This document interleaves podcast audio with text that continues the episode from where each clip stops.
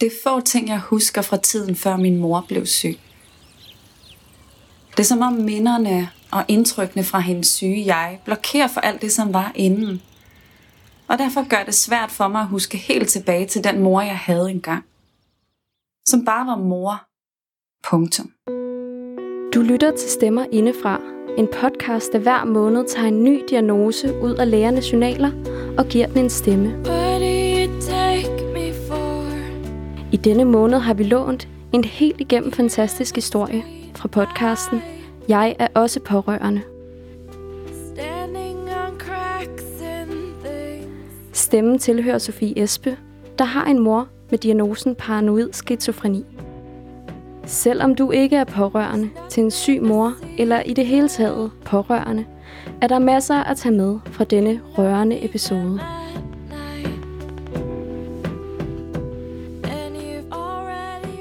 Som ung fokuserede Sofie på at være der for sin syge mor. Hun glemte at passe på sig selv. Det var en svær tid. I dag taler Sofie åben om de følelser og tanker, som man som pårørende kan brænde inde med. Det gør hun blandt andet i podcasten Jeg er også pårørende. Herfra en kæmpe anbefaling til også at give den et lyt. Jeg hedder Lærke Sivkær, og du lytter til det sjette afsnit af Stemmer Indefra, den pårørendes stemme.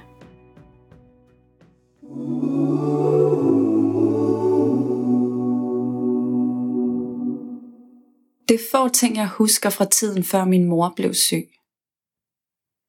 Det er som om minderne og indtrykkene fra hendes syge jeg blokerer for alt det, som var inden.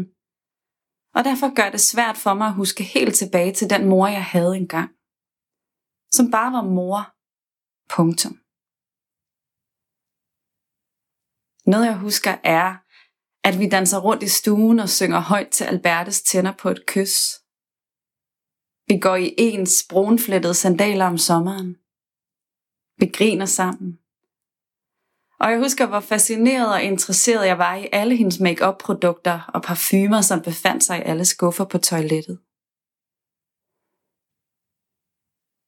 Når jeg tænker tilbage på min opvækst, er det med en følelse af ambivalens. For samtidig som den har været præget af en masse bekymringer, skænderier og kaos, har den også været fyldt med kærlighed og været aldeles ganske normal. Jeg voksede op i et parcelhuskvarter på Vestjylland med min far, min mor, lillebror og lille søster.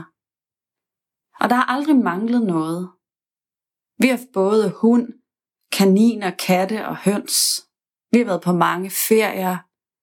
Vi er alle tre børn gået på friskole, musikskole, efterskole. Og levet en tilværelse, som de fleste andre børnefamilier gør. En kernefamilie i allerhøjeste grad. Men så alligevel har der manglet noget, som ikke er så sammenligneligt med en kernefamilie. En mor, der har været til at regne med. Under min opvækst var det aldrig til at sige, hvilket humør min mor var i. Hun kunne ofte hisse sig voldsomt op over de mindste ting, hvis jeg eksempelvis havde glemt at fjerne mit tøj fra badeværelset. Eller der lå krummer på køkkenbordet, efter jeg havde smurt mig en mad. Andre dage var hun fuldkommen ligeglad med det meste, og lå bare på sofaen dag og nat, for uden hun skulle ud i køkkenet og ryge endnu en cigaret. Uden at ane om det på daværende tidspunkt, brugte jeg enormt meget energi på at gå på listefødder og prøve at regne ud, hvor jeg havde hende, og hvilket humør hun var i. Mine antenner var tændt næsten alle døgnets timer.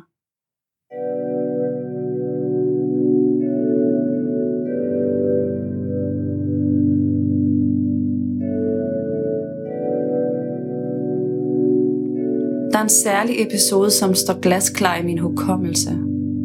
I hvert fald dele af den. Det var lige i starten.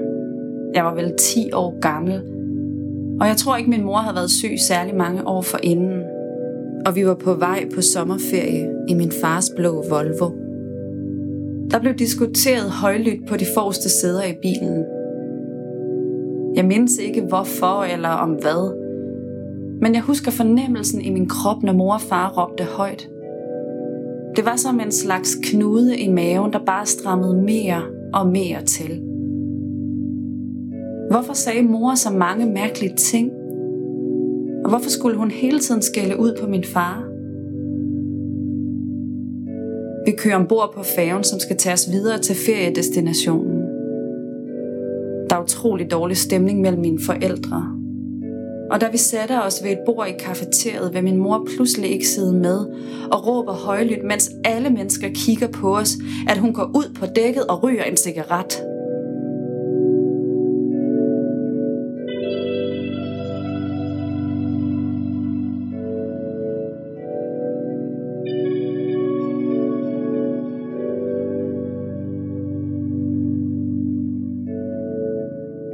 Kort tid efter rammer min fars blik mit.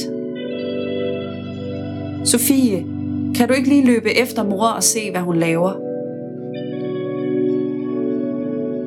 Jo.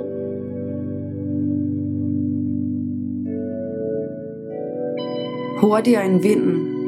Med hjertet helt oppe i halsen spænder jeg afsted efter min mor. Og der er hun. Præcis som hun havde sagt på dækket med en cigaret i munden.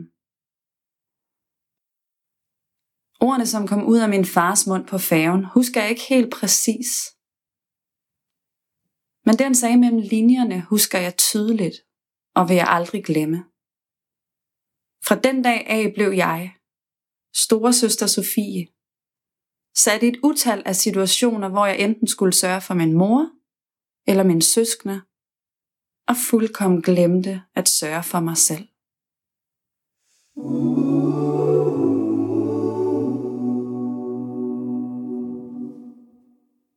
Når jeg ser på mig selv som barn og teenager, ser jeg en meget glad, positiv og udadvendt pige. En pige, som man umiddelbart slet ikke skulle tro bræd rundt på en masse bekymringer og sorg indeni, eller for den sags skyld havde en psykisk syg mor. Hvordan ser sådan en pige også overhovedet ud? Jeg husker meget tydeligt, at jeg fik ros fra andre mennesker, når jeg virkede glad og overskudsagtig. Det blev ofte i talesat i min skole og blandt venner og familie, at jeg var en virkelig glad pige, man slet ikke kunne mærke på, at havde en syg mor. Desuden var jeg et barn, som var forholdsvis dygtig til mange ting, og den anerkendelse, jeg fik fra andre derigennem ved at præstere noget helt exceptionelt, det blev også en ting, jeg stræbte efter. Det blev en slags overlevelsesstrategi for mig at søge anerkendelse hos andre, uanset hvad det måtte kræve. Som sagt var det her slet ikke noget, jeg var klar over eller reflekteret over dengang. Det er noget, jeg først har fundet frem til væsentligt senere i mit liv, ved at arbejde intensivt med mig selv. Og det kommer jeg til at fortælle mere om i episode 2, fordi det viste sig at have en ret stor virkning på min selvopfattelse og på hele mit liv. Så altså, helt ubevidst lærte jeg mig selv meget tidligt, at ved at agere som et slags supermenneske, kunne jeg få andre menneskers anerkendelse og kærlighed. Og det blev min strategi for overlevelse i mange år frem. En rigtig dårlig strategi, tænker du nok. Jo, en meget dårlig strategi. Jeg tror ikke nogen som helst mennesker kan leve længe på andre menneskers kærlighed, uanset hvor og hvem den kommer fra, hvis ikke man først og fremmest formår at finde den i en selv. Desuden tror jeg heller ikke, at nogen eller noget kan erstatte en moders fraværende omsorg og kærlighed til sit barn, hvor meget man end forsøger. Min mor var indlagt flere gange hvert eneste år. Nogle gange frivilligt, andre gange på røde papirer. Man skal være til skade for andre eller for sig selv, når man bliver indlagt under tvang. Og jeg er ikke helt sikker på, hvad der var tilfældet for min mor, for jeg har foruden den ene gang på færgen aldrig rigtig været bange for, om hun skulle tage sit eget liv. Det har jeg også snakket med min far om. Det var ligesom en af de eneste ting, han ikke bekymrede sig om. Man har nok ment, at hun har været til skade for andre.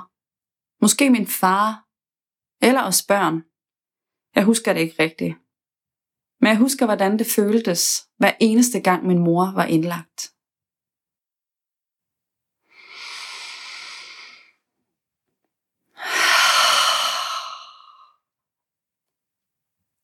Ro og fred. Skuldrene sank sig nogle centimeter.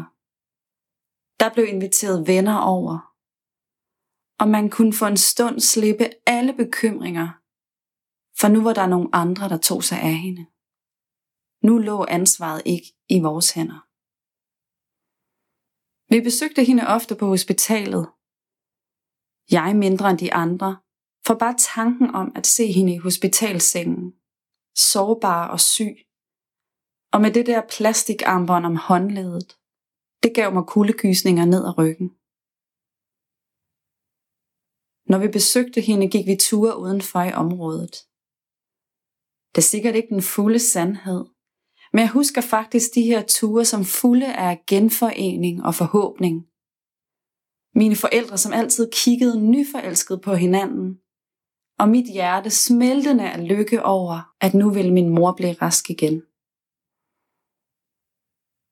Men når hun så blev udskrevet og kom hjem igen, så var det som om hverdagen langsomt begyndte at tage sine vante trin. I starten varede de gode perioder længe, men før eller siden endte det altid med, at hun blev indlagt. Eller at jeg, uden at sige det til nogen, ønskede hende indlagt. Bare for at få en lille smule ro på tilværelsen en stund.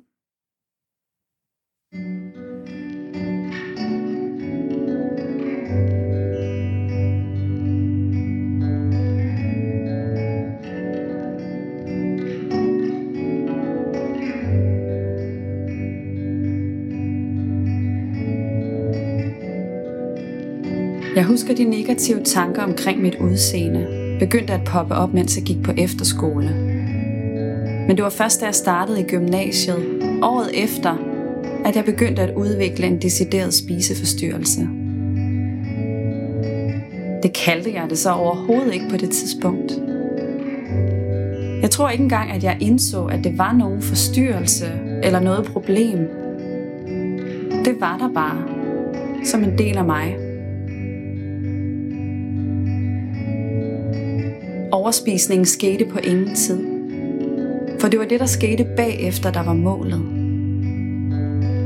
Når jeg kastede maden op, så var det som om, at alt det rent ud sagt lort, jeg skulle høre på og tage imod derhjemme, uden at kunne sige noget igen, blev skyllet med ud i toilettet.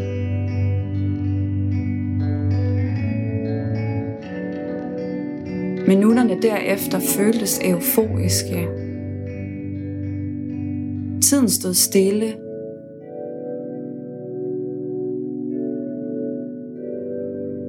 Og det var som om, at jeg blev født på ny.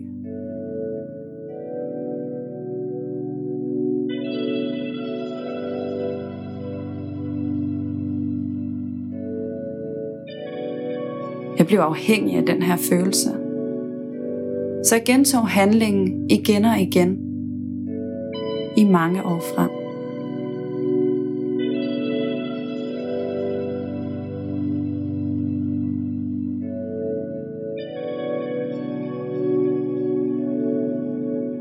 I samme periode fik jeg også konstateret en depression. Jeg husker ikke præcis hvad eller hvor meget jeg sagde til mine forældre, men i hvert fald husker jeg, at jeg sidder hos lægen med min mor og far og udfylder et skema om blandt andet mine sovevaner og generelle indstilling til livet. Og da jeg er færdig med at udfylde, siger lægen, Sofie, det virker til, at du har en depression.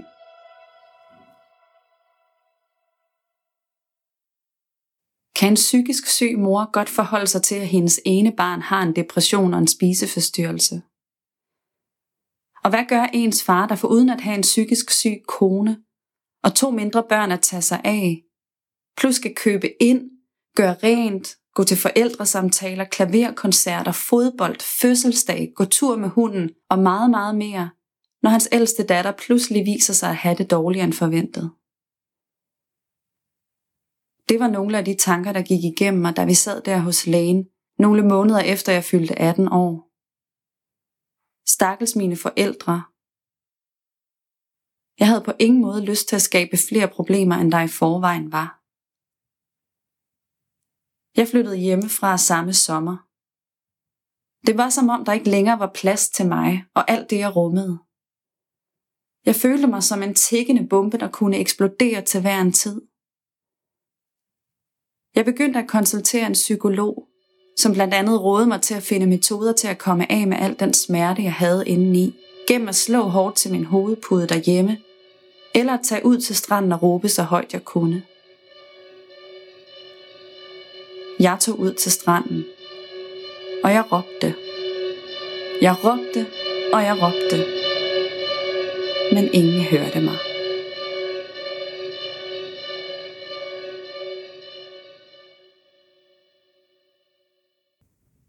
Inden jeg fortsætter min fortælling, vil jeg gerne sætte noget fast inden. For måske du lige nu sidder og lytter med, og er i tvivl om du selv er pårørende til en, som er psykisk syg. Kræver det noget specielt at kunne kalde sig for pårørende, tænker du måske?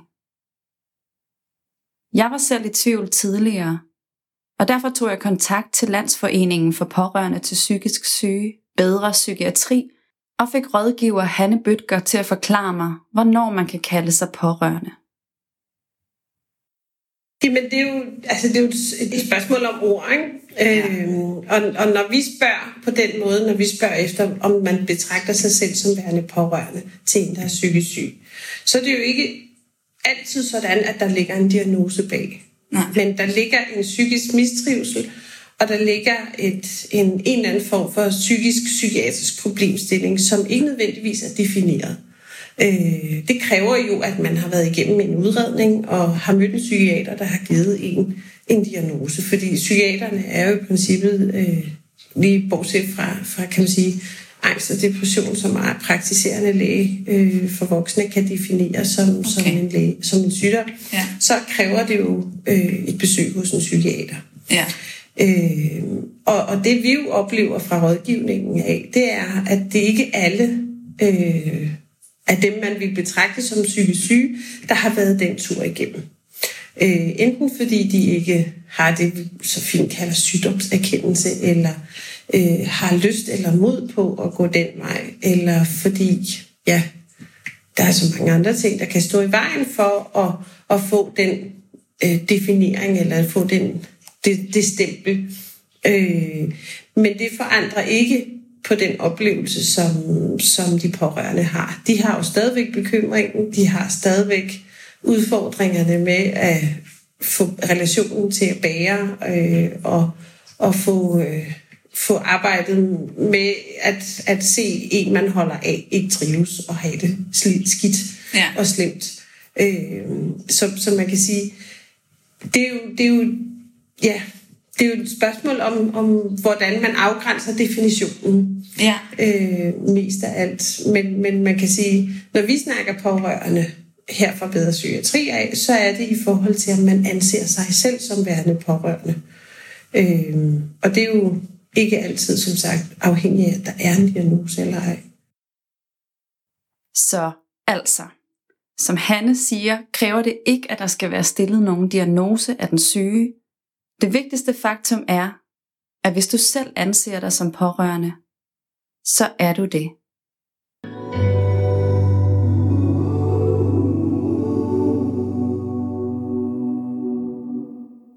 Op igennem mine 20'ere levede jeg i og for sig et godt liv. Et højskoleophold i Aarhus kickstartede en drøm som danser, og jeg flyttede til København og sidenhen til Tyskland, hvor jeg uddannede mig som professionel danser. Dansen tog mig mange steder hen, både i Danmark og i udlandet. Men det var også en hård branche at være en del af, ikke mindst når man som jeg ikke brød sig om sit udseende, og mens ingen så på, kastede maden op igen. Paradoxalt nok blev jeg aldrig tynd af det, jeg udsatte min krop for, tværtimod. Og det gjorde både kampen inde i mig og kampen for at få jobs endnu sværere. Under min forholdsvis korte karriere som danser, havde jeg konstant ondt i kroppen. Jeg var udmærket godt klar over, at min krop ikke helt kunne følge med og ofte blev fysisk overbelastet, når jeg dansede. Men på daværende tidspunkt var der ikke andet, jeg havde lyst til, så det var bare om at knokle på. Indimellem dansen sprang jeg rundt fra den ene kropsbehandler til den anden, for at blive af med de mange smerter, jeg havde i kroppen. Men der var ingen, der kunne fjerne dem, eller forklare mig, hvor de egentlig kom fra. Derhjemme blev min mor kun syre og syre. På daværende tidspunkt var jeg så utrolig vred på hende, fordi jeg syntes, hun havde ødelagt vores familie. Og den kernefamilie, vi var engang, var på ingen måde eksisterende længere. Hun var roden til alle konflikter, og jeg husker, at jeg nærmest månedligt skrev mails til min far om, at jeg syntes, han skulle skille sig fra hende og få et nyt og bedre liv. Jeg havde også virkelig utrolig ondt af mine søskende, som stadigvæk var hjemmeboende, over at de skulle være dagligt vidne til vores mors humørsvingninger og ustabile sind, som oveni også altid medførte et utal af højlytte skænderier mellem vores forældre. Samtidig som det var befriende ikke at bo hjemme, var det også en tid, der var præget af rigtig meget dårlig samvittighed, fordi jeg vidste, at alle i familien led. Selvom det lå til sjældenhederne, at jeg besøgte min familie, brugte jeg oceaner af timer og energi på at bekymre mig over min mors helbred og forsøge at udtænke forskellige strategier til, hvordan det ene eller andet familiemedlem kunne få en bedre tilværelse. Det var som om det var mit ansvar at sørge for, at alle skulle have det godt. Det var i hvert fald sådan, jeg tænkte. Og i og med, at jeg var den eneste, der ikke boede hjemme, var det som om, at jeg kunne se det hele udefra, i et andet perspektiv end de andre. Og det jeg så, var en familie i opbrud. Hvor det blot handlede om tid før familien var spredt i tusinde stykker. Og det blev den også, ikke mange år efter.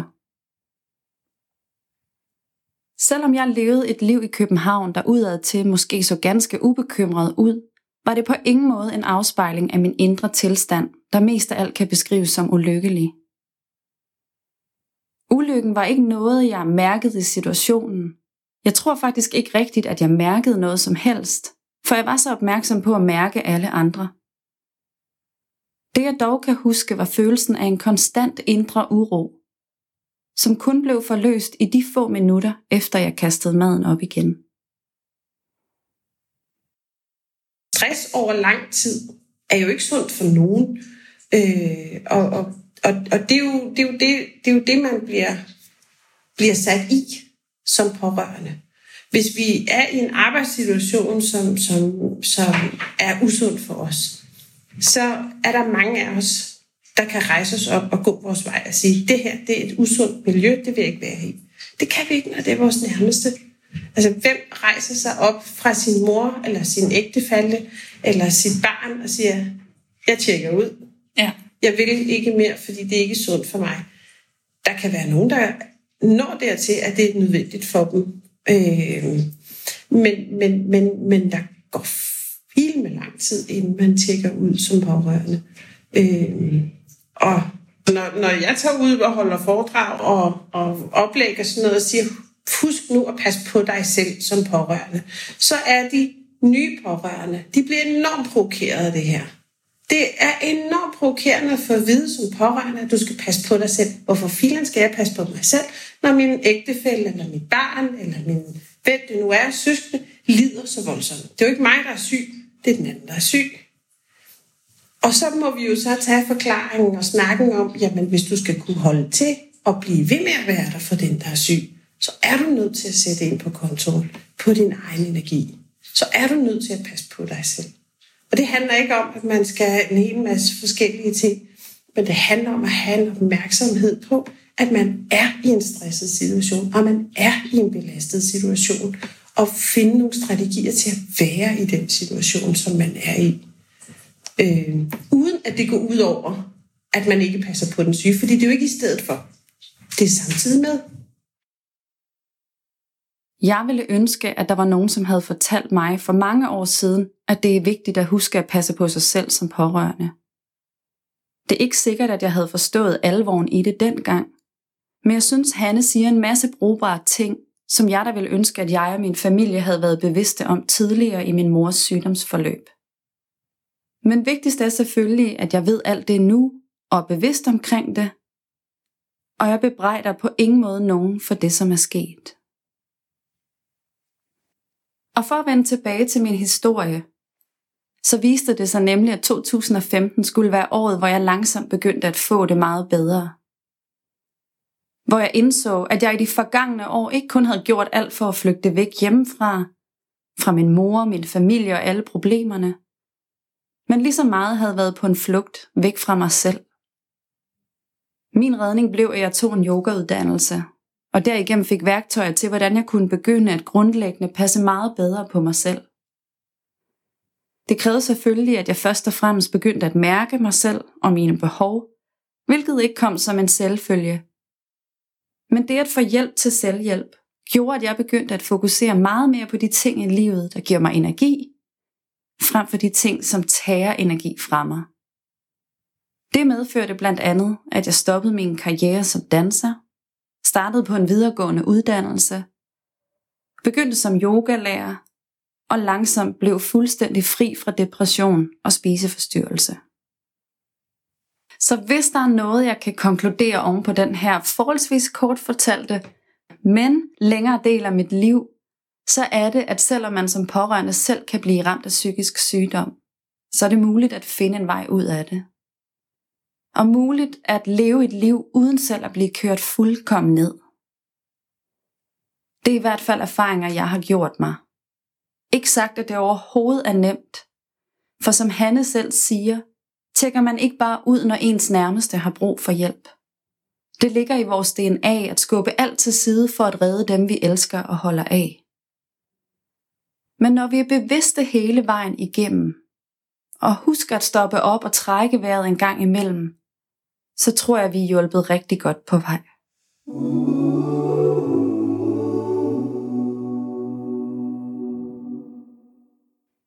I næste episode vil jeg fortælle dig om, hvordan mit liv som pårørende ser ud i dag, og hvilke udfordringer jeg løbende støder ind i. Det gælder både i forhold til mit møde med psykiatrien, men også personligt i mit eget liv. Det er nemlig sådan, at mine forældre skilte sig tilbage i 2012, da jeg var 25 år gammel. Og siden da har min far og alt andet familie, der ellers har været i min mors liv tidligere, langsomt trukket sig.